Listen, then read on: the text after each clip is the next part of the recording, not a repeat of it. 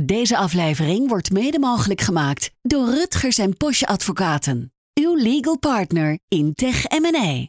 Als je inderdaad gewoon een dozenschuiver bent, wat, wat natuurlijk veel van die legacy partners waren vroeger, met een markup erop, ben je dat nog wel nodig hè, tegenwoordig. Dus of ze een echte bedreiging kunnen vormen voor de nummer 1, dat, dat betwijfel ik. Ja, daarvan kan ik jou alvast verklappen dat hij in de versie van volgend jaar er niet meer in zal zitten. Nou, misschien is dat wel het, eh, recept. Als je een niche weet te vinden die eh, klein genoeg is om marktleider te worden, maar groot genoeg is om een boterham aan te verdienen. Alles over de Nederlandse tech M&A. Dit is de Tech M&A Insider Podcast. Hier is uw host, serial tech entrepreneur en M&A professional, Martijn van der Hoeden. Ja, wat fantastisch dat je weer bent afgestemd op deze podcast. En we zitten hier weer aan het Vondelpark. En deze keer een fantastisch mooi wit Vondelpark met verse sneeuw.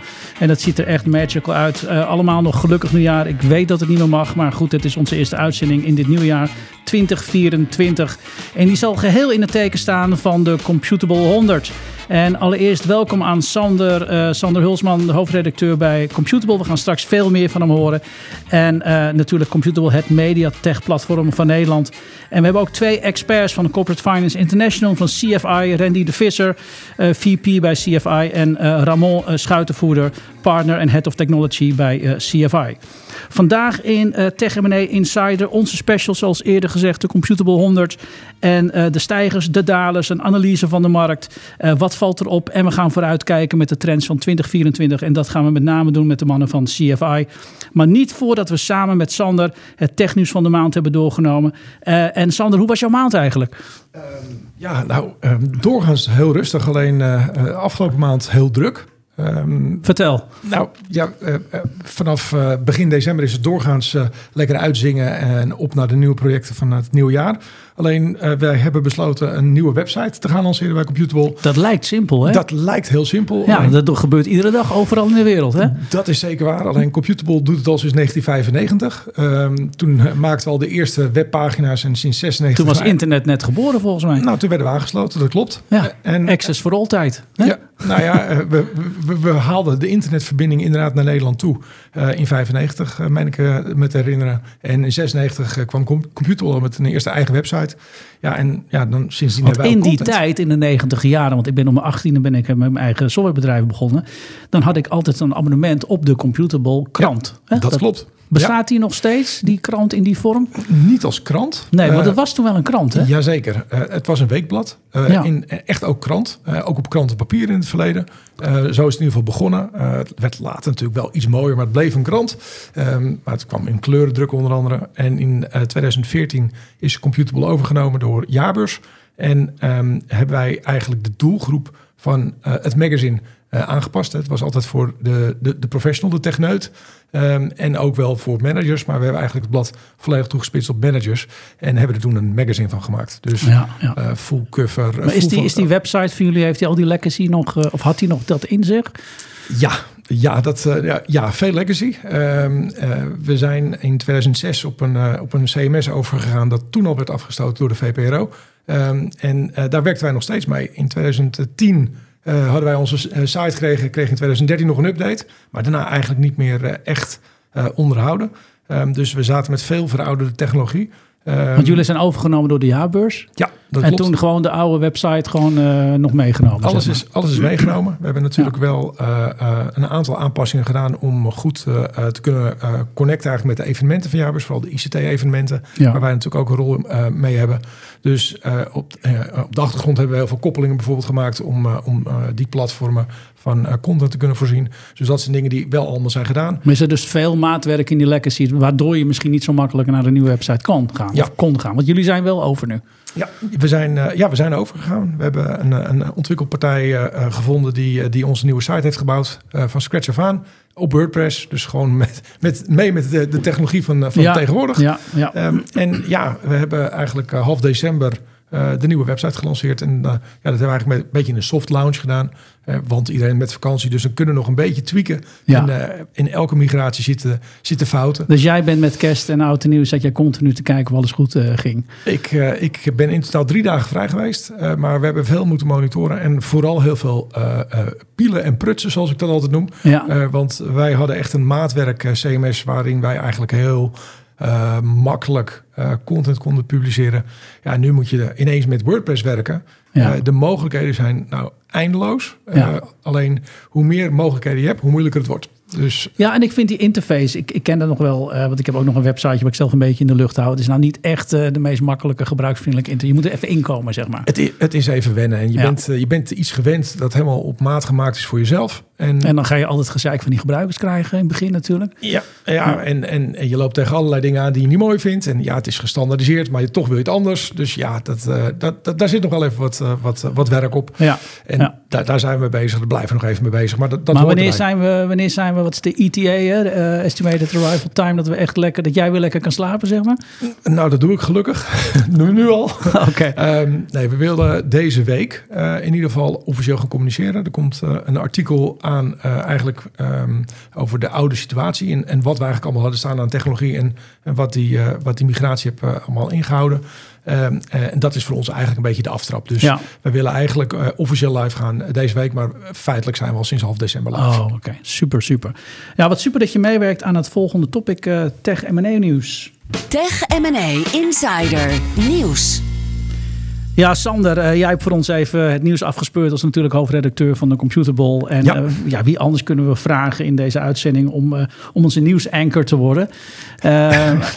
dank, dank, voor de eer. ja, wat heb je meegenomen, Sander? Vertel. Nou, ik, ja, ik, ik, ik, ik kon uit, uit honderden artikelen putten, hè, maar ja, ik, ik kreeg de opdracht om er drie uit te zoeken. En ik dacht, ja, we hebben het hier toch ook over um, ja, de, de, financiële kant. Dus ik dacht, laten we eens gaan kijken wat er op financieel vlak eigenlijk in de ICT-markt is gebeurd. En ik heb eigenlijk drie um, artikelen uitgezocht van onze site die eigenlijk een, ja, een financiële achtergrond hebben, um, maar waar de organisatorische veranderingen door de investering of de overname eigenlijk ja, verstrekkend zijn. Ja. Dus ja, ik, nou, ik kan niet wachten, Sander. Vertel, wat, nou, wat gaan, we, gaan we mee beginnen? Nou, laat, laten we beginnen met, met groot internationaal nieuws.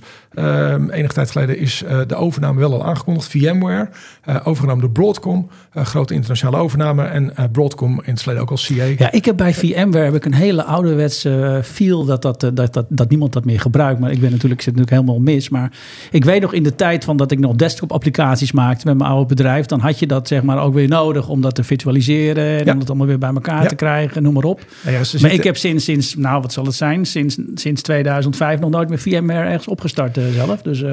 Nee, maar toch heel veel organisaties zijn er echt afhankelijk van. Het zit in de core van, van hun infrastructuur. Um, en ja, een overname heeft natuurlijk altijd gevolgen. En Broadcom heeft ook wel de naam dat ze rigoureus ja, kunnen ingrijpen. Ja, en dat, dat wordt ook... snijden en EBIT optimaliseren en doorverkopen waarschijnlijk. Nou ja, of ze het gaan, gaan door, doorverkopen, ja. dat, dat is nog even afwachten. Maar buy and hold? Of, ja, optimaliseren in ieder geval wel. En dat doen ze nu eigenlijk redelijk rigoureus ook bij VMware. Um, de botte bijl uh, gaat er bijna in. Uh, ze is, het, is het bedrag eigenlijk bekendgemaakt? Wat voor het overnamebedrag is dat? Ja, ik heb alleen uh, het, het follow-up artikel van afgelopen Ah, okay, weekend. okay. Dus die heb ik nu even niet hier paraat. Maar volgens mij liep het ergens in de 60 miljard dollar oh, qua oh, overname. Ja, ja, zo. Ja. ja, dat is wel een heilig. En dat is nog in 2024 gebeurd dan? Uh, net daarvoor nee, nog? Nee, eerder al. Vorig jaar, meen ik mij te herinneren. Ik kijk ondertussen eventjes naar de collega's. Want er heeft een best wel lange termijn gelopen van goedkeuringen. om, om het het groene licht te krijgen om, ja. uh, om dit definitief te gaan doen. Um, maar uh, dat, ja, dat is gekomen en um, er, zijn, ja, er komen nu de plannen, de strategie. En dat is inderdaad nog niet eens officieel naar buiten gebracht. Alleen er zijn natuurlijk wel heel veel signalen richting partners en richting klanten. En uh, daar hebben wij een, een freelancer uh, op gezet om eens te gaan kijken... Wat, wat kunnen wij boven water halen? En uh, de ingrepen die, die gekomen zijn fors. Um, ik, ik, moet even dus maar dat, dat, is, dat is natuurlijk wel, we gaan er straks even over doorpraten, maar dat is ook wel even het fijne van echte journalistiek, hè? om het zo ja. te zeggen, van echt nieuws. Ja. En van die interpretatie van het nieuws en het graven, wat je natuurlijk ja. als je op internet bij wijze van spreken rondsurft helemaal mist. Hè? Ja, nou ja, wij zijn een, een rondje gemaakt langs partners, uh, langs een aantal uh, klanten van VMware en dan, uh, dan, ja, dan komen er toch wel angstige signalen. Geen taarten. Geen nee, flesje champagnes? Nee, nee. Als je, als je nou ongeveer wereldwijd 500.000 klanten hebt... en daar gaan een paar honderdduizend van verdwijnen... en ze stoppen letterlijk met hun klanten... Um, met 4000 partners werkt... Uh, die allemaal geen contract meer hebben en zichzelf moeten bewijzen. Waarschijnlijk de helft van alle partners mogen geen VMware meer verkopen en gaan implementeren. Ja, ja dat is wel fors. en VMware werkt nog met ongeveer 120.000 distributeurs wereldwijd. Nou, daar blijft bijna niks van over. Een dozijn ongeveer. Ja. Want ze gaan allemaal direct gewoon verkopen. Ja. Zo, allemaal niet meer via de partner. Nee, en de corporate 2000 klanten wereldwijd, de echt grote partijen, die, eh, die moeten verplicht uh, direct bij VMware. En daar worden de partners buitenspel gezet. Ja, dus ik weet in mijn tijd uh, dat ik met Microsoft partnership had. Dit is alweer tien jaar geleden, of vijftien jaar geleden alweer. Maar toen was er ook een rondje bij Microsoft dat ze gingen snijden. En toen hebben ze, uh, dat noemden ze Lars geïntroduceerd. Nou, dat klinkt heel eng, maar dat was het ook uiteindelijk. Want het waren large account resellers. Ja. En als kleine partner mocht je nog daar kopen. En op goed geluk. En als je, als je heel aardig deed, mocht je met Microsoft nog zaken doen. Maar die hebben dat toen ook allemaal afgestoten. Ja. Nou, VMware doet nu een, een, beetje hetzelfde. We hebben ook informatie vanuit Amerika dat je eigenlijk minimaal een omzet van, van 500.000 dollar zou moeten doen. Uh, die grens is waarschijnlijk niet uh, voor uh, Europa. Bedoel je daarmee om überhaupt op de radar te komen om met VMware zaken direct te mogen doen? Ja. Juist, juist. En zeker bij de kleinere partners vreest, die, die vrezen toch wel vooral dat ze hun, hun handel gaan kwijtraken. En ehm, het lijkt erop dat als een huidige klant van hen op basis van VMware bij hen aanklopt en zij willen bijvoorbeeld uh, weer VMware-technologie gaan kopen, dat ze notabene uh, deze uh, klant moeten gaan doorsturen naar een grotere partner die VMware wel mag gaan verkopen. Ja, ja maar dat is toch de tendens. Hè? Dat direct, kijk, over het algemeen, alles wordt steeds gebruiksvriendelijker, UX's worden beter, um, rollen van resellers en partners en, en, en de, de, de, de, ja, die toegevoegde waarde, zeg maar, die, die, die is er wel. Maar als je inderdaad gewoon een dozenschuiver bent, wat, wat natuurlijk veel van die legacy partners waren vroeger, ja. met een markup erop, en dat is het dan, ja, ja. ben je dan nog wel nodig hè, tegenwoordig. Ja, ja. ja en, en, en eh, de kosten, die spelen ook heel erg mee van het onderhouden natuurlijk van, eh, van de, de ondersteuning mensen, en de supportorganisatie. Ja. Ja. dus daar wordt uh, door VMware en dus door, door Broadcom bij VMware moet ik zeggen, uh, ja, fors ingesneden. Maar jullie gaan uh, dat goed in de gaten houden als Computable en, uh, en daarover rapporteren hoe dat verder gaat verlopen. Ja, het volgende rondje wordt via de, naar, gaan we even bij de klanten langs. Dus ja, dat is in ontwikkeling. Ontwikkeling. Nou, interessant. interessant. volgende artikel wat, we, wat we even onder de aandacht gaan brengen. Nou, is ook een grote internationale speler, maar met een hele sterke lokale vertegenwoordiging. Want Visma, ehm, volgens mij recent heb jij ook nog wel iemand van Visma gesproken. Ja. hebben um, heel veel overnames wereldwijd gedaan Noorse softwareleverancier, maar uh, heel veel overnames in Nederland gedaan en in Benelux. Uh, maar dat zit allemaal onder Visma Software volgens mij, hè? al die overnames binnen Nederland dan. Ja, ja, ja. De, um, uh, zij hebben in 2018 Raad overgenomen. Dat, dat heet nu Visma Raad. Dat was natuurlijk al een hele grote overname. Uh, dat werd ook heel groot. Uh, daaruit hebben ze eerder al in 2021 user. Dat is de loonverwerker van Nederland, hè, Raad, ja. hè? Met, met, de, ja. met de loon. Hebben zij Loket, is dat van de Raad? Of, of is dat de concurrent van Raad? Dat weet ik niet. Voor, voor, ja. ik, ik ken maar ze hebben, in ieder geval, ze hebben in ieder geval verloning doen ze met hun software. Ja, HR en, en software. En in 2021, hè, Visma Raad werd dusdanig groot dat ze toen al eigenlijk een afsplitsing hebben gedaan. Toen kwam USurf in, werd in het leven geroepen. En uh, ja, Visma is eigenlijk daarna nog steeds doorgegroeid. En werd weer uh, eigenlijk te groot volgens de Visma-begrippen. En uh, Visma, de moeder.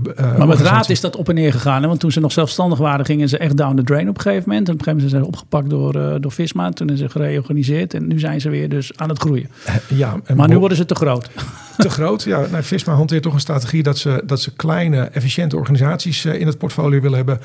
gespecialiseerd in specifieke markten. Dus op het moment dat een, een, een, organisatie te groot wordt, uh, volgens de eigen maatstaven, dan uh, wordt zo'n bedrijf opgesplitst en krijg je eigenlijk je eigen specifieke markt. Dat hebben ze nu eigenlijk ook gedaan. Um, Visma Raad heeft nu een, een eigen uh, Peppel als organisatie erbij. Uh, Peppel is een, een nieuw bedrijf dat zich eigenlijk met het product Visma.net, HRM en Payroll vooral richt op de sectoren onderwijs, zorg en de zakelijke markt. En ehm, dat betekent eigenlijk dat Visma Raad um, doorgaat eigenlijk voor de centrale en lokale overheid en ook een deel voor de zorgsector. En uh, ja, dan denk je, oké, okay, het is serieus. En dan Peppel, Pep, ja, sorry, Peppel, ik moet ook zelf nog even wennen. start met een man of 100, dus dat is wel fors. Ja. Maar ja, Visma Raad blijft nog steeds 450 mensen over. Dus ook dat is nog steeds een, een forse organisatie. Maar ze gaan dat nu dus verzelfstandigen dat het uit de, uit de Visma softwaregroep gaat. Maar nog wel, het blijft, het blijft wel eigendom van Visma, Het, toch? het blijft een Visma bedrijf. Ja. Eh, alleen Visma Raad werd te groot. Eh, en Peppel eh, is na USurf eigenlijk een, een kindje dat uit Raad, Visma Raad Ja. geboren wordt. Ja, ja nou, we- gaan zeker over Visma ook dit jaar waarschijnlijk nog veel meer horen. Want het is een van de, van de meest, in positief zin van het woord, de agressiefste overname of kopers van, van de Benelux. Hè. Ze hebben er meer dan 500 partijen gekocht in eh, relatief korte tijd, volgens mij. Ja, ik weet niet de precieze cijfers, maar volgens mij hebben ze eh, wereldwijd, tenminste het zit wel vooral aan deze kant van eh, de plas, Ja. iets van 200 overnames gedaan Ja. en ruim 50 in de Benelux. Ja, nou, we Dus, gaan straks nog even kijken waar ze staan in de, in de Computable 100. Daar gaan we nog wel even over door, doorbubbelen. Ja, Maar ehm, ehm, oké, interessant. En ehm, dus eerst kopen en dan laten groeien en dan weer zelfstandigen binnen de binnen en dan ga je weer uit die groep, zeg maar. ja.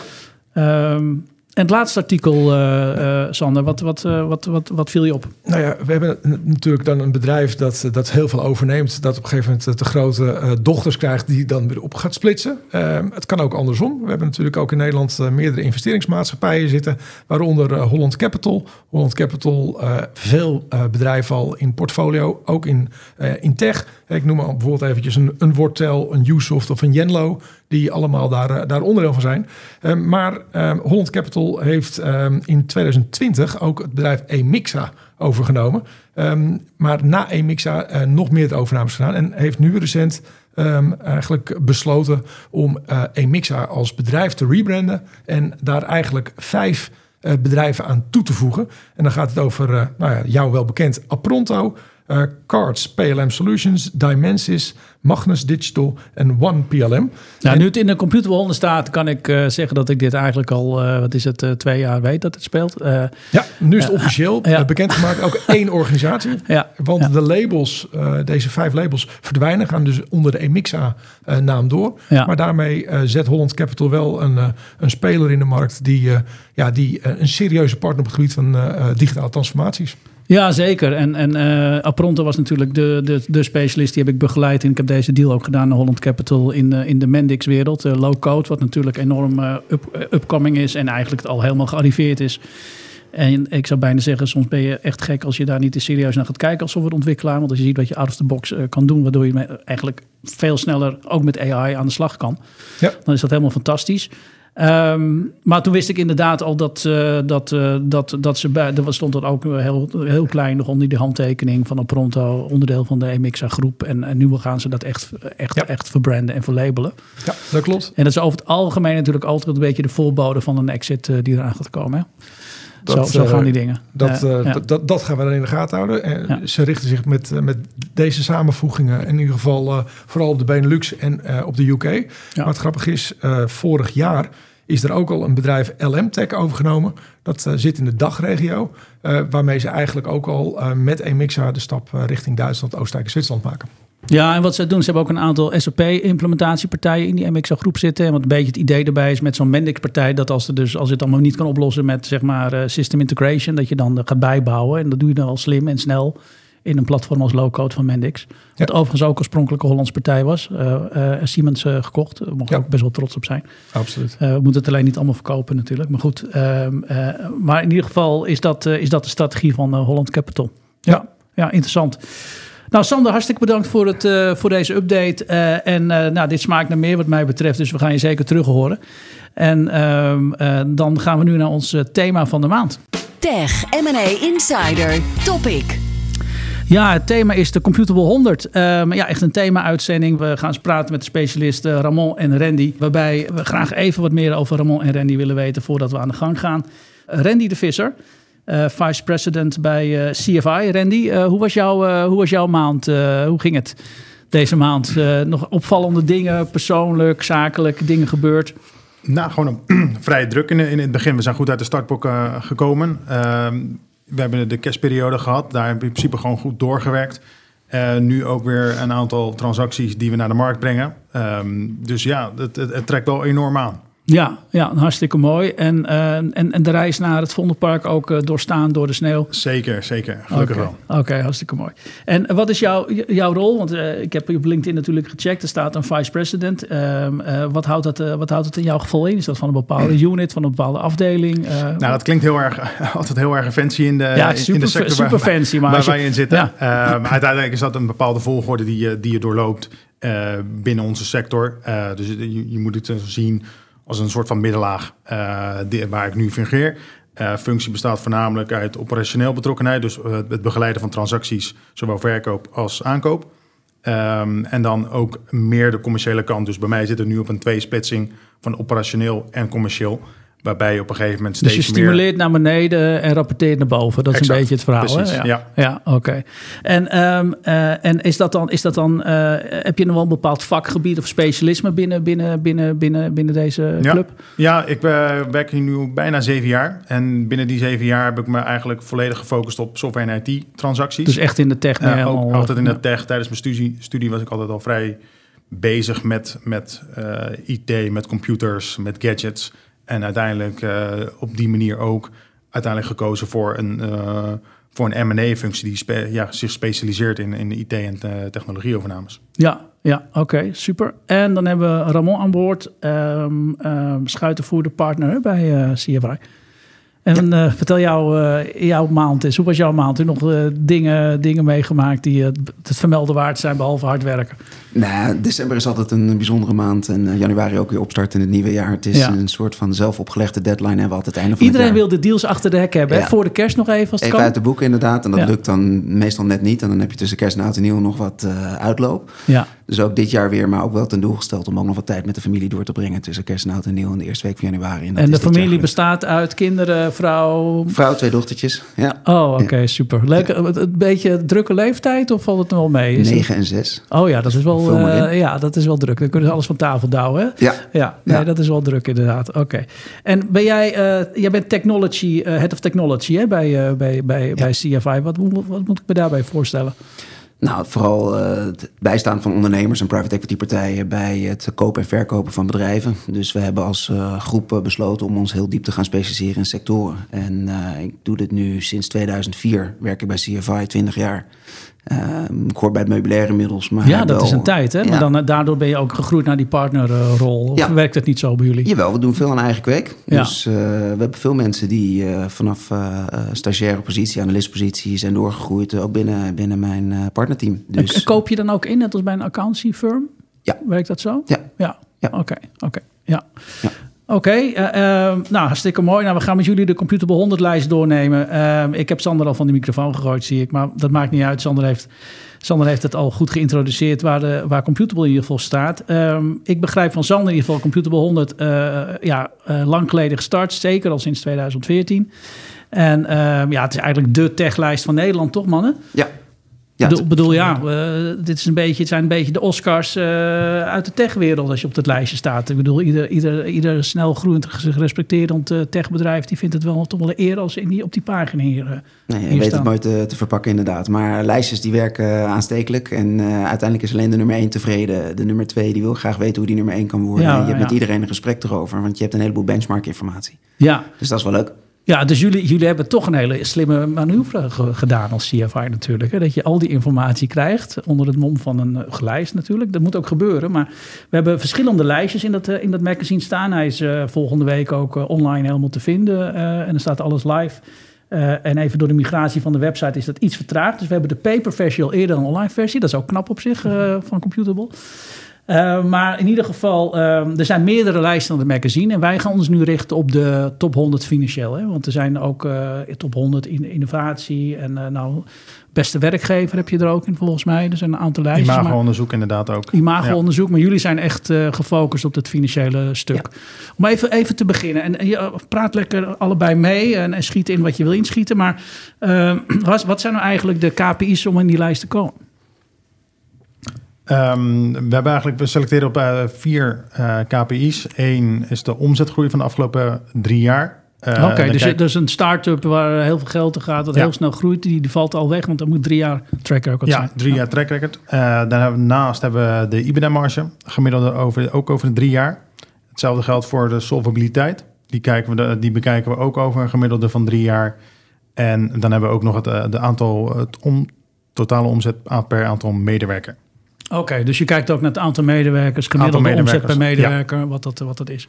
Ja, en daar wordt dan een bepaalde ranking aan gekoppeld. En zodoende wordt uiteindelijk de nummer 2 tot en met nummer 100 gekoppeld aan de, aan de nummer 1 waar zij staan. In dus het is echt puur objectief, uh, Ramon. Hè? Ja. Het is niet van uh, jij doet een betere pitch dan de andere. Het is echt puur objectief. Uh, nee, het is echt getallen vertellen hun eigen verhaal. Dus ook hier in, dit, in deze situatie. En we hebben daar lang met Computable hebben we dat doorgeëxerceerd om naast een imagoonderzoek ook gewoon een rauw data-gedreven ranking te produceren. En dat is de Computable Financiële 100 geworden. En de Computable Financiële 100, of de Computable 100, die is wel gebaseerd op bedrijven die hun omzet en hun, hun thuisbasis eigenlijk in Nederland uh, hebben, of in ieder geval hier de entiteit hebben. Ja, het mag ook een, eh, een, internationale partij zijn, maar dan is het de Nederlandse omzet die we, die we rapporteren. Of ja, want ik zag Salesforce inderdaad ertussen staan, maar dat komt omdat ze dan in Nederland eigenlijk gewoon een BV hebben of een uh, entiteit. Ja, zij, zij, leveren die gegevens aan, inderdaad, en dat is dan geringfenced voor, voor Nederland en, en, en dat gebruiken we dan.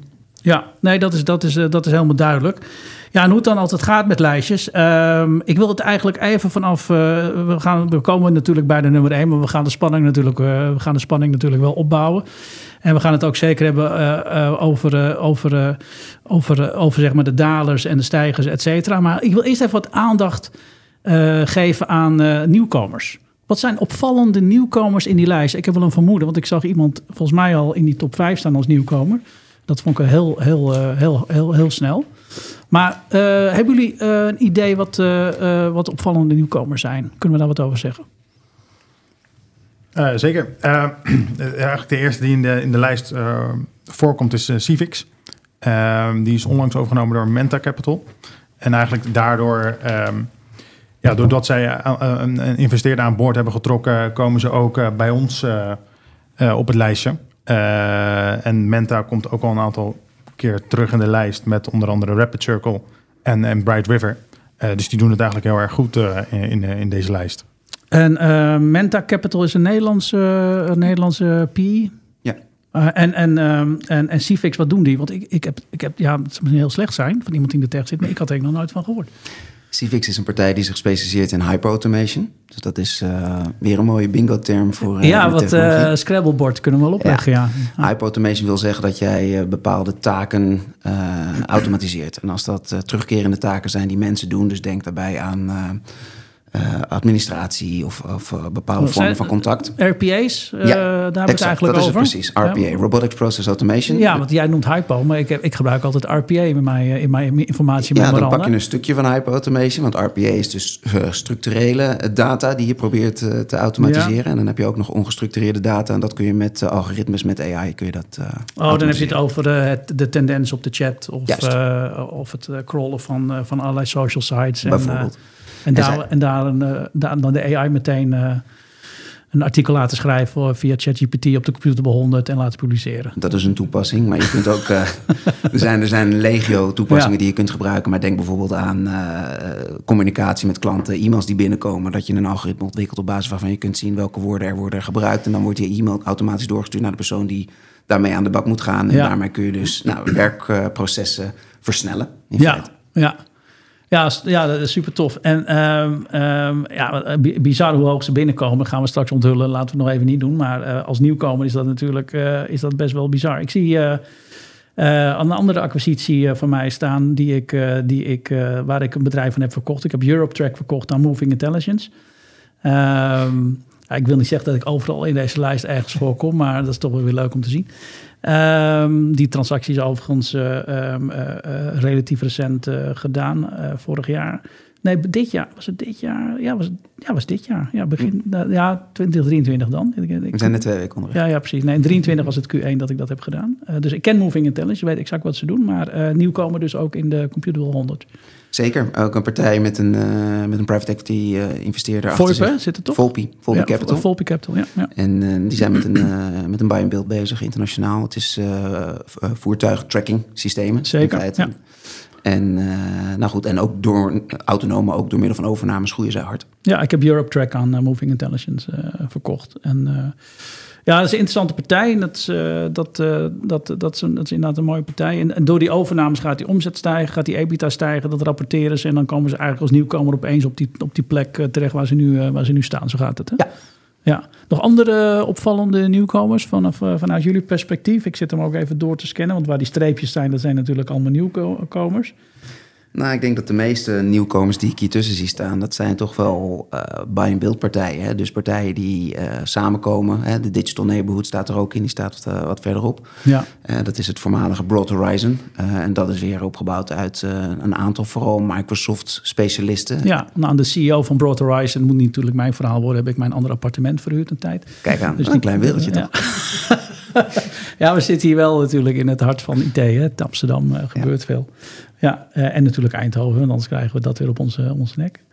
Ja, nee, dus, dus, komt uit Rotterdam trouwens, dus dat moet ik dan wel even erbij zeggen. Ja, dat, dat, dat mag je zeggen, dat mag je inderdaad zeggen. Ja, ik ga er helemaal niks van zeggen nu.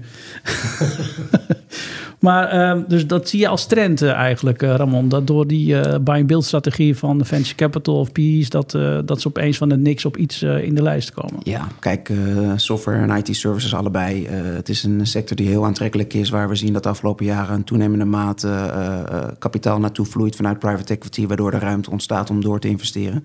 Ja. Um, en uh, ja, het is natuurlijk de snelste manier om te kunnen groeien. Hè. De, meerdere bedrijven aan elkaar koppelen gaat vaak sneller dan organisch. Ja. Uh, even los van de synergieën die je daarmee kunt creëren, uh, ook operationeel, maar ook commercieel. Um, dus het is een hele succesvolle en beproefde methode om snel te groeien in de lijst of omhoog binnen te komen.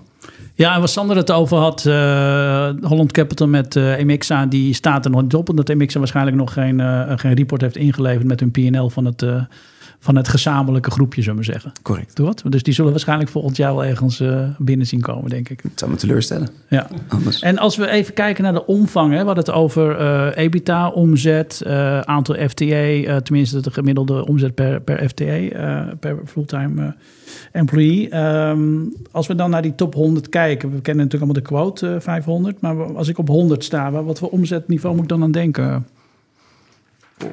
Dus dat, of ben ik jullie nu aan het overvragen als uh, specialisten? Nou ja, wil je per se weten welke, hoeveel omzet de nummer 100 draait? Want het is een mix van omzet, EBITDA, uh, uh, ja, maar zit dat, zit, zit, dat, zit dat bij Bunk? Zit dat, want die staat dat is natuurlijk niet de kleinste. Nee, dat is niet de kleinste. Nee. Dus dat, dan, dan zitten we al boven de 100 miljoen waarschijnlijk of zo. waarin we in dat lijstje beginnen in te komen. Of, uh... ja, daarover vraag me inderdaad een beetje. Maar het is inderdaad, uh, de, de, grootte van de onderneming telt niet zozeer. Het gaat met name de omzetgroei in, per, in percentage die, die, die bepaalt of hij op wordt opgenomen in de lijst. En ook de, de, de, de, de percentage EBITDA van de omzet, ja. geldt, geldt dat dan ja, ook? de EBITDA-marge. Oké. Okay. percentage. Oké, okay, dus dat percentage dat. Ja, uh, dat dus je moet wel aan een bepaald minimum voldoen om opgenomen te worden in de lijst. Dus uh, volgens mij is het. maar ik heb, ik heb zelf een investeren in een start-up, PSO Up. En uh, daar groeien we met, met, met, met triple digits, zeg maar. Ja. Dus we gaan, we gaan ieder, ieder, ieder jaar gaan we over de 100% groeien inmiddels. Ja, we, maar we hebben, nog geen, bepaalde... we hebben nog geen omzet van 10 miljoen als start-up. Dus nee, en dat is wel een beetje de ondergrens, ongeveer rond de 10 miljoen om opgenomen te worden in de lijst. Ja, precies. precies. Dus als, ja. als je rond die koers zit en je hebt een techbedrijf... en denk je, ik vind het toch wel tof om in die lijst te staan... Al, ik moet, dan kan ik het lekker vermelden uh, met een persbericht... Dan, dan, dan, dan, dan moet je eigenlijk zelf uh, uh, in de gaten houden. Nou, dan moet ik wel vanaf 10 miljoen is het nuttig uh, om, om, om eraan te denken dat ik word opgenomen. Ja, zeker. Ja. En dan drie jaar lang. Ja, en, en benaderen jullie zelf die partijen? Of, of gaat het via Computable Magazine dat mensen worden ge, geroepen om zich aan te melden? Of hoe werkt dat? Ja, het werkt eigenlijk twee kanten op. Enerzijds moeten partijen ook uh, cijfers publiceren uh, bij de KVK. Dus die cijfers kunnen we, kunnen we gebruiken. En anderzijds uh, gebruiken we ons, ook ons netwerk om cijfers op te halen bij, voor partijen die in de lijst worden opgenomen. dus dat bestaat uit ondernemers, maar ook veel private equity partijen die dan hun cijfers van de deelneming aanleveren. Ja, ja dus oké. Okay, okay. Maar jullie zijn ook echt aan het, aan het scouten, zeg ja, maar. zeker. Oké, okay, dus jullie, jullie houden die hele markt gewoon continu in de gaten met jullie analisten bij CFI? Ja, we staan dagelijks in contact met, uh, met ondernemers, met private equity. We weten hoe, wat de dynamieken zijn in, in de markt. En op een gegeven moment, uh, meestal beginnen we altijd ergens in mei met, uh, met de eerste checks. En dat ronden we dan af in augustus. En dan wordt die in december, januari in dit geval nu gepubliceerd. Ja, ja en uh, dus, dus eigenlijk wat we kunnen constateren, als, we, als, we, als jullie dat vragen, wat is de trend in die nieuwkomers? Dat is dan toch wel die, uh, die, die, die buy-and-build strategie, waardoor die nieuwkomers opeens vanuit het niets, lijkt het, ja. uh, in jullie lijst komen. Of in de lijst van de Computable 100 komen. Ja, ik denk niet alleen de nieuwkomers. Ik denk over het algemeen dat er best wel veel private equity DNA door deze lijst heen loopt. Maar ja. bij die nieuwkomers zeker. De meeste, er zijn er weinig DGA-owned partijen dan in zo'n lijst. Nou, dat nummer één. Ja, dat is nog steeds zo. Hè. Dat mogen we nog niet verklappen. Nee, dat mogen we nog niet verklappen. Ja, dat is ongelooflijk. En dan, een, uh, ja, het is, net, uh, het is net te lekker. Hè. Dat is een magazine dat ik ook wel leuk vind om te lezen. Uh, maar goed, dan heb je ook altijd een kopje. wie zijn er uit de lijst weggevallen? Hebben we daar een beetje een beeld van? Wat daar dan de reden van is? Ja, dat zijn vaak partijen die dan de cijfers niet hebben, niet hebben aangeleverd... of dat ze een, een bepaalde herstructurering hebben gedaan in, die, in de juridische structuur.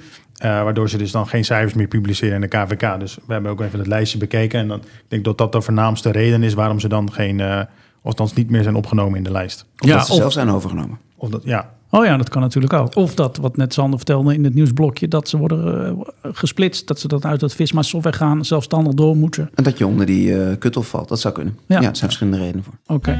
Okay. Ook een groot netwerk van ondernemers in de techwereld bereiken? Word een vriend van de show. Kijk voor de mogelijkheden op insiderpodcast.nl. Nou jongens, dan gaan we toch even de top 10 uh, plek bij plek uh, doornemen. Uh, daar staat op vanuit vanaf nummer 6 de Odin groep. De Odin groep is een, het is een managed services partij. eigen datacenter, werkplekbeheer, veel Microsoft kennis ook. daar zat al een investeerder in ja. die een, een buy and build nastreefde voor Tino Capital. daar is Apex die hebben inmiddels een nieuwe naam. Uh, um, 7 Zou best kunnen, ja. Volgens mij 7 ja. net gerebrand. Um, en, uh, en die zetten dat eigenlijk voort. Uh, maar dan weer een, een, tandje groter met net wat uh, meer fondsen tot hun beschikking. Dus eigenlijk ook een beetje een buy-and-build ja. strategie waardoor ze gegroeid zijn. Oké, okay, ja. dan hebben we Rapid Circle. Ja. Um, we hebben daar nog uh, wat achtergrond bij. Die zijn van 8 naar 9 gegaan, zie ik. Ja, nou, die zit in hetzelfde uh, métier als Odin. Het is ook een managed services partij, Microsoft bloedgroep. Uh, ook internationaal actief, zitten in Benelux, zitten in India, in Australië. daar zit Menta Capital achter, die hebben we net ook al besproken. En daar wordt ook een buy-and-build playbook gedraaid. Ja, je ziet steeds meer van die partijen die echt die digital transformation ook uh, al in hun DNA hebben. En, en, en ja, goed, dat was eigenlijk met MX ook natuurlijk, uh, hebben we het over gehad. En dan Bright River vanuit uh, 0 naar 8. Bright River is een hele andere partij. Die richt zich met name op visual content voor, voor e-commerce. en, en vastgoed. Dus wat zij heel slim doen met eigen software, AI-software, is zorgen dat plaatjes in webshops er beter uitzien, waardoor jij nou, sneller gaat kopen en ook minder snel gaat retourneren omdat je hebt gekocht wat je wilde hebben. Oké, okay. oh interessant, ja, interessant. En die, uh, uh, ja, ik heb toch wel een partij die ik nu begeleid, die heeft AI gemaakt voor, uh, jij zal het niet geloven, maar het bestaat echt, voor het opmeten van je voet. Mm -hmm. En dan zet je je voet zet je op een A4'tje, maak je gewoon met je iPhone een fotootje van en gaat door een AI-engine en wordt het helemaal gerenderd en 3D'd en whatever. En dan weet, weet, weet je dus exact de maat die je moet kopen op de webshop, waardoor het aantal retourneringen ging geloof ik met 90% omlaag. Ja, nou dan zou ik uh, Bright River eens even bellen als je... Ja, ik zal, eens, ik zal eens kijken of ze dat deeltje kunnen, kunnen afsplitsen. En dan verkoop ik dat aan Bright River. Ja, dat zou wel leuk zijn. Moving Intelligence hebben we het over gehad natuurlijk. Uh, tracking software. Um, uh, en dat is ook, uh, als je een beetje auto hebt in de hogere klasse... dat is ook het mooie van het model van hun natuurlijk. En dan moet je iets van die tracking software hebben... anders word je niet meer Tenminste, niet meer in deze straat, niet meer verzekerd. Hè? Dat, Klopt. Uh, ja. Ja. Dus dat hebben, ze, dat hebben ze heel goed gedaan. Het is niet alleen auto's volgens mij, het is ook uh, boten en, uh, en, en, dat soort... Ja, ze hebben, dat, ze hebben dat inderdaad het diefstal tracking systeem. Ja. En wat Europe Track, de partij die ik aan hun heb verkocht, toevoegt, is, is, het, is echt het, het tracken van A naar B. Um, zodat je geen bijtelling krijgt. Dus, uh, uh, maar tegenwoordig gaat het ook met, uh, met, met, met veel meer sensoren die, die Europe Track heeft toegevoegd. bijvoorbeeld ook in gereedschappen. En als je aannemen dan je boor uit je, uit, je, uit je wagen haalt, dan zien ze dat het ding weg is. En dan weten ze dat je dus iets aan het doen bent. En dan doen ze reverse time tracking. Dus in plaats van dat je uren hoeft te boeken, laten zien wat wanneer je zeg maar bij het busje weg bent gelopen. Als, en dan gaan ze ervan uit dat je dan werkbaar, werkuren. En dan wordt die time tracking ook op basis, van, op basis daarvan vastgelegd. Dus dat is wel interessant. Dus, dus voor, voor Moving Intelligence is EuropeTrack echt een, ook wel een innovatieve acquisitie geweest. Ja, maar er zijn, er zijn veel toepassingen. Denk ook daarbij aan bijvoorbeeld voor verzekeraars. Als jij als taxibedrijf een verzekering wil hebben. Taxis maken doorgaans veel schade, vinden zij in hun algoritmes. Hoge premie, maar als je kunt laten zien via dit soort tracking software, dat, uh, dat je daar dus minder last van hebt. Nou, dan moet die premie ook omlaag kunnen. Weet je, dat soort toepassingen kun je allemaal inzetten in dit, uh, in dit vak. Ja, nee, absoluut. Ja, prachtig dat ze van het niks naar 7 zijn gegaan. Mede door onze acquisitie die wij natuurlijk hebben geregeld. Misschien gaat hij het laatste, laatste zetje.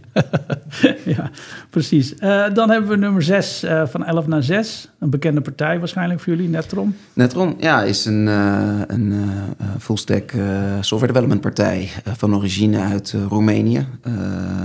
wel altijd Nederlands verkoopkantoor, Nederlandse aandeelhouders gehad. Um, dat is er zat een investeerder in, Islay Capital. Die heeft dat verkocht aan Investcorp. Ja.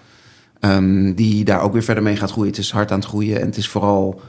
Uh, maar dus nu een Nederlandse entiteit? Het is een Nederlandse entiteit, is het altijd geweest. Uh, maar zij zitten in, uh, even uit mijn hoofd, in Cluj. Of in Craiova, een van de twee. Cluj. Uh, Cluj. Dat uh, staat bekend om zijn goede technische universiteit. Dus zij kunnen aan goede mensen komen. Ja. Uh, die heel goed kunnen ontwikkelen tegen behapbare tarieven. Dus dit is zeg maar nearshore development. Ja. en, en, en als zij iets ontwikkelen, creëer ze dan IP voor de klant of IP voor hunzelf? IP voor de klant. Oké, okay, dus het is echt, echt een hardcore development. Ja, ze werken veel voor ISV's en dat soort partijen. Oh ja, ja, ja. ja. Wauw, oké. Okay. Dus echt uurtje, factuurtje, review zit daar met name. Vooral, ja. ja oké. Okay. Kids Connect nummer 5 vanuit niets naar nummer 5. Dus dat is echt wel weer een nieuwkomer die we in de gaten moeten houden natuurlijk. Ja, dat is een uh, zogenaamde vertical market software platform. Zij richten zich op een niche binnen een niche en in dit geval uh, kinderopvang. Ze noemen dat in de States microvertical. Microvertical, nou dat is hier zeker van toepassing. Dus zij zijn uh, bij far de grootste in Nederland op het gebied van ERP voor, voor kinderdagverblijven. Dus daar zit de financiële functie zit daarin, planning zit daarin, verloning zit daarin, dat soort zaken. Ja. Communicatie met ouders. En, en venture capital waarschijnlijk? Of? Nee, nee private equity. Ja, oh, private nieuwe, equity. Nieuwe, nieuwe private equity um, zit daar aan boord. Het zat ooit bij Vortex. En dat is nu overgenomen door. Ja, daar heb ik hem daar ook voorbij zien komen. Want Vortex doe ik vaak zaken met. Dan ze dus pitchen vaak op mijn deals. En dan vertellen ze inderdaad dat ze Kids Connect hadden geëxit. Ja, klopt. Dat ja. is nu 5 euro's in. Dat is een private equity fonds van Rothschild. Oh ja, oké. Okay. Ja. Ook waarschijnlijk voor een internationale. Maar Kids Connect is van oorsprong gewoon een Nederlandse club dus ook. Ja, nog steeds een Nederlandse club. Ja, Zit volgens mij in Almere, dacht ik. Ja, dat is wel een super verhaal eigenlijk. Hè? Dat je met zo'n microvertical zo, uh, zo hoog in die lijst komt. Hè? Dat is wel bizar eigenlijk. Nou, dus misschien is dat wel het, uh, het recept. Hè? Als je een niche weet te vinden die uh, klein genoeg is om marktleider te worden... maar groot genoeg is om er een boterham aan te verdienen. Ja. Da daar zit je het lekkerst. Ja, nee, nee absoluut. absoluut. Dat, zijn de, dat zijn de pareltjes. en dan heb je ook eigenlijk een blue ocean waar je in zit... in plaats van dat je alleen maar in de red ocean op prijs moet gaan concurreren. Oké, okay. mooi. Knap. Kids Connect. Cloud Security Group, van, uh, die, is, uh, die is dan gedaald van 2 naar 4. Ja, daarvan kan ik je alvast verklappen dat die in de versie van volgend jaar er niet meer in zal zitten. Want die is net overgenomen. Ah, oké. Okay, okay. En niet, door, niet door een Nederlandse entiteit bedoel ja. je? Jawel, door Interstellar. Dus dan komt hij daar. Oh, dan uh, komt hij onder Interstellar weer te. te, te die staat ook in de lijst, maar dan, dan, hebben ze maar één positie. Ja, ja. Oké. Okay. Dus die, die gaat dalen, dat weet je nu al dan. Het hangt vanaf wat Interstellar als een groep doet, maar uh, een aparte notering waar, hebben ze volgend jaar Waar staat Interstellar dan? Of staat hij er niet, uh, niet in? Ik zie maar 1, 2, 3 niet zo, niet zo 1, 2, Of staan er alleen hun uh, operational companies? Je staat nummer 15, dus net buiten de top 10. Dus oh ja, oh, ik zie hem staan, ja. Mooie positie 15. overigens. Ja, een cloud security groep is, wat de naam al zegt, het is een managed cybersecurity partij. Ja, en, en is dat dan echt cybersecurity op het gebied van hosting en dat soort zaken? Of is het ook meer dan, dan, dan dat? Nou, ik weet niet of het hosting is of werkplekbeheer. Dat is, mm, daar ken ik het bedrijf niet goed genoeg voor. Maar nee. het is, uh, het is uh, managed security dat ze aanbieden. Ja. ja. En dan hebben we Sci, uh, SciFix vanuit het niets, hebben we het net over gehad. En die zijn dus op nummer drie terechtgekomen. Ja. Ja, ja, bizar. Groei, zij groeien enorm, zijn ontzettend winstgevend. En dat is dat Hypo, Hypo Automation, Automation, en de zei ik RPA bij, hè? Dat was ja. dat verhaal. ja. ja ja. En is dat hun eigen IP echt, uh, wat ze daar... Nee, zij, uh, zij zijn een belangrijke partner uh, van UiPath. Oh ja, ja die, wordt ook vaak gebruikt bij mijn ja. klanten. Ja. Ze, hebben, ze hebben natuurlijk wel meerdere partnerships, maar zij, zij bouwen dus robots op die stack. Ja. En daar zit ook wel een bepaald recurring business zit daarin. En zij doen ook, het is niet alleen het bouwen van robots, maar ook het het, het strategieprogramma daaromheen, hoe jij je als bedrijf klaar kunt maken om eh, bepaalde zaken te automatiseren eh, in je organisatie. Dat Ja, vraagt natuurlijk meer dan alleen. consultancy op dat gebied. Ja, vaak begint het zo. En dan heb je gewoon zo'n heel eh, transformatieprogramma. En als onderdeel van dat transformatieprogramma heb je dus het bouwen van bots. Ja. En ook het onderhouden ervan. Ja, ja precies. Ja, ja. En het is ook zo met AI, hè, dat die, die AI-engines, als je daar gebruik van maakt, dan die, die, dat zijn gewoon natuurlijk lege, lege, lege dozen die je nog helemaal moet gaan trainen. Ja. En dat trainen, dat is dan vaak, eh, eh, dat, dat, dat, dat, dat snapt nog niet altijd iedereen, zeker niet financiële investeerders. Maar dat, dat, het, het, zeg maar het trainen en het, het toevoegen van dat soort elementen, dat is natuurlijk het IP weer van degene die dat doet. En je hebt veel data nodig Ja. om die goed te kunnen laten Ja, trainen. zeker. Ja. zeker ja. Oké. ehm, ja, dat zie je sowieso. Hè, dat die trend natuurlijk van het hele wegautomatiseren van allerlei processen. En het, eh, in plaats van het aan elkaar knopen, dat het allemaal vanzelf gaat. Dat je dat natuurlijk. Ja, dat, dat, dat zie je natuurlijk enorm, eh, enorm eh, groeien, die sector. Nou, dan hebben we natuurlijk, eh, dan zijn we in de top drie, jongens. Top drie, dus eh Cyfix nummer drie. Ehm, en dan gaan we naar een, ik zou bijna zeggen, een oude bekende, nummer twee. Adyen. Ja, Ja, die hebben afgelopen jaar daar flinke, flinke groei meegemaakt. Ehm, maar ook wat klappen gehad op de beurs. ook wat hè? klappen gemaakt. Ah, Zeker het afgelopen jaar. Daar was toch de, de investeerders die daarin zaten, vonden de groei toch wat minder dan verwacht. En de winst die viel ook wat minder tegen. Dus ook in, in deze lijst zie je dat dat wel wat terugloopt. Ehm, dus of ze een echte bedreiging kunnen vormen voor de nummer 1, dat, dat betwijfel ik. Ja, ja. Maar op de, Maar beurs zie je, een- ja. op de beurs zie je dus de verwachtingen vooral. Hè. Dus dat zie je nog niet in deze cijfers terug. Hè, want dat is eh, gerapporteerd. Ja. Eh, ze hebben die klappen in eh, 23 eh, gemaakt gedurende het beursjaar. Ja, En dat is vooral omdat zij de, de marges zien, zien dalen. Dus daar eh, zullen ze in, in plaats van groei moeten gaan focussen op eh, het volgen van marges. En de Ja. concurrentie neemt daar ook in die, in die markt, in die betaalsector, neemt ook enorm toe. Je ziet het in de, in de US, maar dat ook steeds vaker in Europa, dat, dat, eh, dat daar de concurrentie eh, een stuk heviger wordt. Ja, en de prijzen dus onder druk komen te staan. Ja, dat zijn, dus zijn allemaal ook de marges onder druk komen te staan. Ze hebben ook bijvoorbeeld... Hebben ze al zo'n hele reorganisatieronde achter de rug gehad bij, eh, bij, bij Adyen? Dat ze veel mensen eruit hebben gegooid? Weet dat- ik eerlijk gezegd niet, nee. Nee. Maar goed, in de cijfers, in ieder geval de harde cijfers. Want dit is dan de rapportage van... Is het dan 21, 22, 23? Waar jullie hebben naar gekeken? Eh 20, 21, 22. Oh ja, want 23 hebben ze natuurlijk niet. 23 hebben ze nog niet. Nee, dat nee gaat het natuurlijk lijst, niet. Nee, dat klopt, dat klopt. Ja, dus die effecten van de beurs, die zie je dan hier nog niet, niet, eh, niet terug. Eigenlijk de laatste effecten zie je nog niet terug. Die zie je volgend jaar. Volgend jaar. Ja, jullie kijken echt naar de harde getallen. Ja. En eh, ja, de oude bekende zou ik bijna zeggen. Nou, eh, wie heeft de eer om nummer 1? Dat is eh Avas maar Software. dan moet je voor bladeren. Die weet, je, sorry. Ja, sorry. die weet, je, die weet jij gewoon niet. eh, Ja, niet- vor- eh, vorig jaar stond hij een keer niet op één. Eh, Oh, dus stond ik ga toch even partij. Dus ging het je is toch even goed checken? checken of we de goede lijst inderdaad Oh, te hebben. Maar nee, het is inderdaad Avas, Avas Software. Ja, wel de Nederlandse. De, de- eigenlijk is het een beetje de, de, de, baan van, de, van, eh, van deze tijd. Hè? Wat, wat we vroeger. vroeger ja, je- jij kent het wel. Ja. Tegen wie praat ik eigenlijk? Jij weet het helemaal niet, eh Randy. Daar was je veel te jong voor. Maar goed, anyway. Nee, maar Avas Software heeft al een aantal keer eh, bij ons op de nummer 1 gestaan. Die, hebben gewoon een, die laten gewoon een, een solide groei zien. Eh, maar ik denk ook met name die marge. Hè? Die En is, die die is EBITDA-marge, fantastisch, die is echt, Eh, bizar. Is on-. Dat is 70, Ja. wat hoeveel is het? 50, 60 procent? Wat is dat? dat is, ja, gigantisch. 50% ongeveer. Ja, dus zeg maar die Rule of 40, die volgens mij ook al een aantal keer de tafels gepasseerd in eerdere edities hier. Ja. Ja, die, die overstijgen zij ver. Met Ja. vlag en wimpel. Ja. Ja. maar alles is eigen IP. Hè? Ze hebben helemaal Ja. niks van Microsoft eronder hangen of Ja. iets van, van Oracle. Wa- Wat noemen al die techreuzen maar op? Daar zijn ze allemaal ver van gebleven. En ze hebben alles natuurlijk zelf gewoon gedaan. Ja, dat is een bepaalde strategie die je nastreeft uiteindelijk. Waarbij je ziet, het is een fa- familieonderneming nog steeds. eh, en die willen gewoon een solide groei voor, voor de komende jaren met een goede cash, eh, cashprofiel. Waarbij je voornamelijk in de, in de jaren 2021 en 2022 ziet dat partijen eh, voornamelijk focussen op groei. Ja, maar En wat ook fantastisch is, eh sorry ik even onderbreek, is dat je bij dit soort familiebedrijven ook gewoon ziet, in, in tegenstelling tot PI's of VC's, dat ze er gewoon de tijd voor nemen. Ja. En dat het om de lange termijn gaat. En dat het niet gaat om eh, snel, snel mogelijk alles weer opsmukken om weer een goede exit te doen.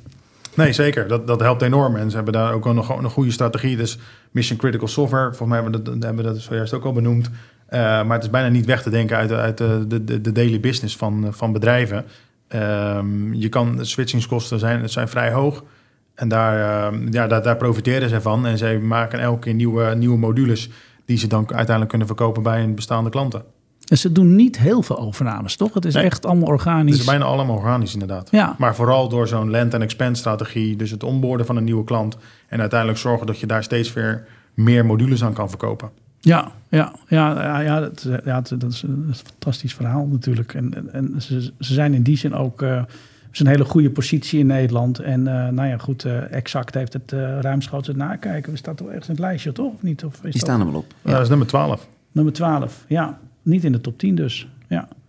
Toch hebben we wel hele mooie techbedrijven in Nederland, hè Ramon? Hè? Ja, fantastisch. Ik vind Nederland is een, op, op technologisch vlak in Europa in ieder geval een pionier. En, uh, en je ziet gewoon dat uh, het feit dat daar veel interesse in is, cloud-adoptie is altijd hoog geweest. Uh, dat je veel Nederlandse partijen toch ook naar het buitenland ziet gaan, waar de cloud-adoptie wat lager is, of de, techno de, de, de, technology penetration, zeg maar, in goed Nederlands wat lager is. Dus dat zijn markten om te groeien. Ja, nee, absoluut. Nou, dat is echt super, super mooi. Dat, zien, dat, dat, zien we eigenlijk ook wel weer terug in, in, in de algemene markt. Dat heel veel Amerikaanse en private equity partijen, maar ook vanuit de, de UK, naar Nederland komen, kijken naar uh, acquisities, waarmee ze dan uiteindelijk verder kunnen groeien binnen, binnen Europa. Dus om dan overnames te doen in de Nordics of in de dagregio. Ja, die zien dat als stepping stone ja, in Europa. En dan weet ik wel dat die Amerikanen dan dat het tegenvalt... dat je dan overal een andere taal hebt en ook nog een andere cultuur hebt.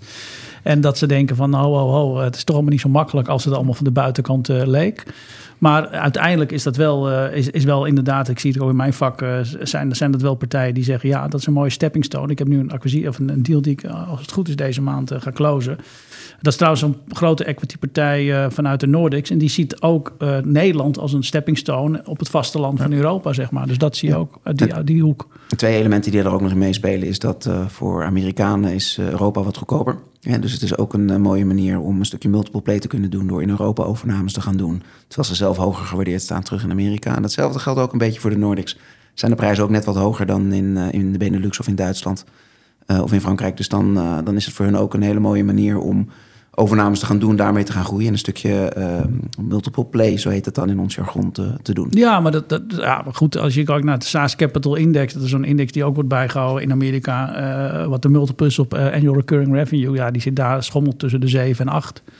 Nou, als je hier uh, aan een Nederlandse Holland Capital, om even een voorbeeld te noemen van een andere partij, zegt, nou, ik verwacht gewoon zeven keer annual recurring revenue, dan kijken ze je aan, hoe heb je het over? Wij kijken naar EBITDA, wordt er dan gezegd. Dus in die zin, ja, voor ons, uh, voor mijn business, uh, ja, ik 40% van mijn buyers zijn toch over het algemeen allemaal uh, Anglo-Saxisch, zullen we maar zeggen. Ja, nou goed, maar we zijn nu ook in een ander dossier bezig waarin we dat soort multiples die je net noemde op, op ARR wel realiseren. Kunnen matchen, ja. ja. Ja, maar dat heeft ook met je groeiprofiel te maken en, ja. en hoe, ja, hoe, hoe, hoe, hoog is de lock-in, dat soort zaken. Ja, maar ik vind bottomline wel mooi in deze lijst dat als je gewoon de tijd neemt, steady bent, doorgroeit, investeert in je software, de klant klanten binnenhoudt. Waarschijnlijk ook weinig churn hebt als AVA software. Uh, grote klantentevredenheid, prijs, kwaliteit uh, uh, is natuurlijk heel scherp bij AVAS. Hè, want ze hebben relatief hele goedkope software. Als je dat dan vergelijkt met een, met een, met, met een, met, met een SAP of een Dynamics Business Central of wat dan ook. Ze zitten altijd onder die prijs. Bieden heel veel functionaliteit. En maar met name dat je die tijd neemt, ja, dat is gewoon, uh, dat, dat, dat, mist natuurlijk over het algemeen een PI of een, uh, of een VC. Hè? Ja, ik vind het sowieso wel heel leuk om te zien dat als je naar de top 3 kijkt, we hebben het veel over private equity en, en, en, kapitaal wat uh, de, de sector inkomt. Maar Civics, de cijfers die we hier zien, is in de periode, hè, Menta is dan nu wel aandeelhouder, maar dit is van de periode dat het nog van de, van de oprichters was. Um, hè, dus dat hebben ze met hun eigen centjes hebben ze dat gerealiseerd, die mooie getallen. Nummer 2 um, is beursgenoteerd. En de nummer 1 is een familiebedrijf. Dus het is wel een mooie mix wat dat betreft in de top 3. Uh, eh, maar goed, als je natuurlijk naar de hele top 10 kijkt, is het toch vooral private equity wat, uh, wat de lijst domineert. Ja, nee, dat is absoluut waar. Absoluut waar. Nou jongens, hartstikke bedankt uh, voor deze insight. tot slot, is er nog een algemene trend te ontdekken hier in, in de dingen die in 2024 gaan, gaan, gaan spelen? Kunnen we daar nog iets over zeggen tot slot? Hebben AI voorbij horen komen natuurlijk. Ja, dat eh, zit met name wel verwerkt in, in, in de technologie. Dus uiteindelijk zou je dat niet als een zelfstandig entiteit terugzien of een zelfstandig bedrijf terugzien.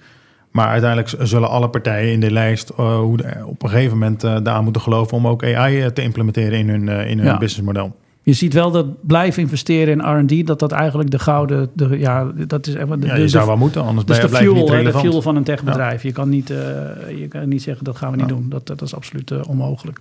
Nog een laatste rondje, Ramon, nog wat toe toevoegen? Ja, nou goed, uh, eh, AI is dan benoemd. Als je dan even naar een specifieke niche gaat kijken, ik heb heel veel verwachtingen. had ik ook voor 23, maar ook voor 24 voor supply chain software. Als je ziet alle problemen die je in de wereld hebt, geopolitiek. Uh, supply chain issues. Uh, ja, dat je daar toch ook wel als bedrijf op moet gaan inspelen door ja, efficiënt en ook wendbaar te kunnen zijn in je supply chain. En daar heb je goede software voor nodig. Dus we zien daar ook veel dynamiek en, en transacties in voorbij komen. Dus daar verwacht ik voor dit jaar ook nou, veel van terug te zien. Ja, Randy, tot slot nog... Ja, ik denk in het teken van ook van add-ons. wat ook aangeven, private equity domineert in, de, in deze lijst. Uh, kapitaal is weer wat, wat duurder geworden de afgelopen, afgelopen periode. Dat, uh, ze hebben waarschijnlijk een investering gedaan eerder in 2021, 2022. Toen was het kapitaal relatief goedkoop. Uh, hebben een bepaalde kredietfaciliteit kunnen, kunnen vaststellen. En uiteindelijk doen ze daarmee de overnames. Dus we zien de, zeker de afgelopen kwartalen zien we zeker een, een groei van add-ons die uiteindelijk terugkomen. Ja, ja. Ja, stop, super. Ik denk dat we achter de hek hebben. We gaan naar het volgende onderwerp, de inbox. Tech M&A Insider Inbox. Ja, ik heb weer een vraag binnengekregen, dit keer van, uh, van, uh, van Marjan. Um, uh, zij heeft een, ook een softwarebedrijf, een techbedrijf. Um, um, zij heeft eigenlijk een, een club, die, we hebben het net erover gehad, maar ze wil niet dat ik erover uitweid, zie ik. Maar zij zit in zo'n micro-vertical en ze is in die zin een van de marktleiders in die vertical binnen Nederland. Maar ze wil nu echt gaan groeien en ze overweegt een buy-and-build strategie. En ze vraagt aan het panel, inclusief mijzelf, heb jij nog tips waar ik op moet letten bij, bij een buy-and-build strategie? Ja, um, um, ik ga straks even het rondje maken naar, uh, naar Randy en Ramon. En dat jullie even mee kunnen denken. Dus wat is, zijn de tips en waar moet ik op letten bij een buy-and-build strategie? Nou, ik, ik kan uit eigen ervaring spreken dat ik denk dat, um, dat het erg belangrijk is dat je bij een buy-and-build strategie duidelijk kijkt uh, als je snel wil groeien in bepaalde sectoren, maar wel in dezelfde vertical. Dat je kijkt uh, als je inderdaad in Nederland al een behoorlijk marktaandeel hebt, wat zijn de local champions um, in, uh, in, in andere en omringende landen, zodat je snel je footprint kan, kan vergroten. die local champion analyse is niet altijd even makkelijk, maar is wel belangrijk. Um, waarbij ik zou zeggen, kijk dan ook of jouw platform, jouw softwareplatform, of dat ook zeg maar um, zo breed dekt dat je legacy oplossingen die in andere landen eh, Duitsland, eh, in de Nordics, eh, UK, dat je die eigenlijk gewoon koopt op de install base, waarbij dan de, de, de logica is dat je die legacy software op jouw moderne platform zet. Um, en vervolgens uh, uh, inderdaad zo'n partij toevoegt, zodat je meteen footprint hebt in andere, andere landen. Um, maar me let met name op dat het local heroes zijn die een hele stabiele install base hebben met een lage churn en een hoog servicegehalte. Want er gaan dus ook heel veel dingen mis in zo'n buy-and-build strategie. Denk aan bedrijfscultuur, denk aan software die niet echt matcht. Um, ja, denk aan een kat in de zak kopen, wat veel, veel gebeurt, zeker als je als eigenaar zelf aan de gang gaat ermee. Niet een professioneel team om je heen hebt die, uh, die behoorlijk DD doet. Um, dus dat zijn eigenlijk een belangrijke tip die ik je mee, uh, mee wil geven. Ik heb ooit zelf uh, een bedrijf met, met, met assistant software wat ik had. Meerdere bedrijven gekocht. En in mijn eerste acquisities had ik te weinig slimme adviseurs om me heen. En was ik te enthousiast. En uiteindelijk is dat op een fiasco afgelopen. Dus dat, dat kan gebeuren. Ramon, heb jij daar nog tips bij voor Jan waar ze op moet letten bij een buy-and-build strategie? Nou, ik vind dat je al best wel veel hebt verteld. Ehm, waar ik ook vooral op zou letten is dat je zorgt dat de structuur waarin je investeert, het management wat je daarin meeneemt, dat je die ook bindt en dat je er ook voor zorgt dat die Goeie, ja. uh, de belangen uitgelijnd zijn en dat jullie dezelfde stip op de horizon hebben. En daar, uh, daar moet je een goede structuur voor opbouwen, vertrouwen uiteraard ook creëren met elkaar, uh, maar dat je het ook op dat niveau goed bekijkt. Ja, en een gezamenlijke, ja, echt een gezamenlijke PNL vanaf de start. Hè? Want als je allebei je eigen PNL hebt, dan krijg je soms een soort in, in, interne concurrentie van producten die een beetje hetzelfde doen. Nou ja, dat, is, dat hangt er vanaf wat je nastreeft. Maar als jij ook uh, synergie op uh, commercieel vlak nastreeft, dan moet het niet gaan tellen in welke PNL dat gaat vallen. dus dan ik. moet je dat samen gaan dat, Dat bedoel ik, dat bedoel ik. En um, um, nou, mijn bedrijf is ooit overgenomen door Unit 4, zoals misschien vaste luisteraars weten. En daar was dat niet goed geregeld. En de incentives waren ook niet goed geregeld. Dus ik was in maart overgenomen. De incentives waren natuurlijk al vanaf januari afgesproken voor het hele sales team van Unit 4. En, uh, uh, en dan kon ik ze nog zo lief aankijken en nog zo'n mooi product hebben. Maar dan ging ze niet harder voor mij lopen, want ze kregen er niet de extra bonus voor. Dus dat hebben we dan gefixt in, in de zomer. Maar uh, dat, dat vertraagt dan wel de boel. Dat zijn hele praktische dingen. Hè? Ja. Um, Randy, heb jij nog uh, dingen uh, in, misschien in de financiële structuur waar uh, hierop gelet moet worden? Je gaat net al aan dat dat geld duur is op dit moment. Ja, ik zat er met name ook te denken in, een goed plan over de technische integratie. Dus vaak wordt daar wel ja, niet goed naar gekeken. Ga je integreren, ja of nee? Als je twee verschillende tech hebt, ja, matcht dat wel uiteindelijk. dus dat is heel erg belangrijk dat je daar een goed plan bij hebt. Kunnen we uiteindelijk de klanten onboorden op ons eigen platform? Of willen we toch twee zelfstandige platformen hebben? Dus ja. dat, dat is denk ik ook één ding waar, waar men goed Want al die lead developers die vinden hun eigen product het beste. Hè? En dan voor, voor en je functionaliteiten en dergelijke. Ja, Dat, is, uh, dat, dat, dat verschilt. Dan moet je objectief naar kunnen kijken inderdaad. Zonder dat je daar die emotie hebt van dat was mijn kindje en die wordt nu de nek omgedraaid. Ja, zeker. Het geldt ook voor jou als ondernemer. Hè? Je moet ook zo volwassen genoeg zijn om te kunnen zeggen... nou, ik koop nu een platform wat beter is dan het mijne. Ik ga een plan maken om uh, mijn klanten te migreren van mijn platform... naar uh, wat ik net heb overgenomen. Nou, als je die synergie niet kan bewerkstelligen... dan heeft die hele and strategie bij, bij voorbaat is dat, is, dat, is, dat, is dat lastig. Maar let op, hè, bij migratie triggert ook wel vaak weer dingen bij klanten. Hè? Want er zijn afspraken over gemaakt... en dan change of control kan ook nog eens plaatsvinden. Weet je. Dus, dus je moet daar goed over nadenken. Ja, dat, dat zijn als je echt een shortlist gaat maken, moet je eigenlijk dat soort, soort, top 10 maken waar zo'n waar zo'n kandidaat er moet voldoen voordat je daar veel tijd in gaat uh, ingesteken. Maar de incentives inderdaad heel belangrijk ook. Nou, Jan, ik denk dat we, dat we dan wel uh, behoorlijk wat, wat, wat tips hebben gegeven. Dus veel succes ermee. En uh, jullie allemaal bedankt voor, uh, voor, uh, voor het meewerken aan deze uitzending. hij is toch weer langer geworden dan we verwacht hadden, denk ik. Ehm, maar dat is alleen maar positief, want dan zitten we goed in de materie. Ehm, dus bedankt voor de reis naar Amsterdam en naar het Vondelpark, beide, Ramon en Randy. Sander, bedankt voor je nieuwsanker bijdrage. En, en, en natuurlijk willen we iedereen meer weten van de Computable 100. Ga naar uh, computable.nl en daar kan je volgens. Kan je ook dit magazine wat ik hier voor me heb daar downloaden of krijgen? Oké, perfect. Dus ga naar computable.nl en zorg dat je het magazine hebt. Het is super interessant. Er staan ook andere eh, 100 lijstjes in. Dus ga er vooral mee aan de slag. Bedankt voor het luisteren, jongens. Toedeloe. En hoor je de volgende keer. Bye. Meer weten over Tech M&A en onze insiders? Kijk op insiderpodcast.nl. De Tech M&A Insider Podcast wordt mede mogelijk gemaakt door No Monkey Business. Experts in Tech M&A.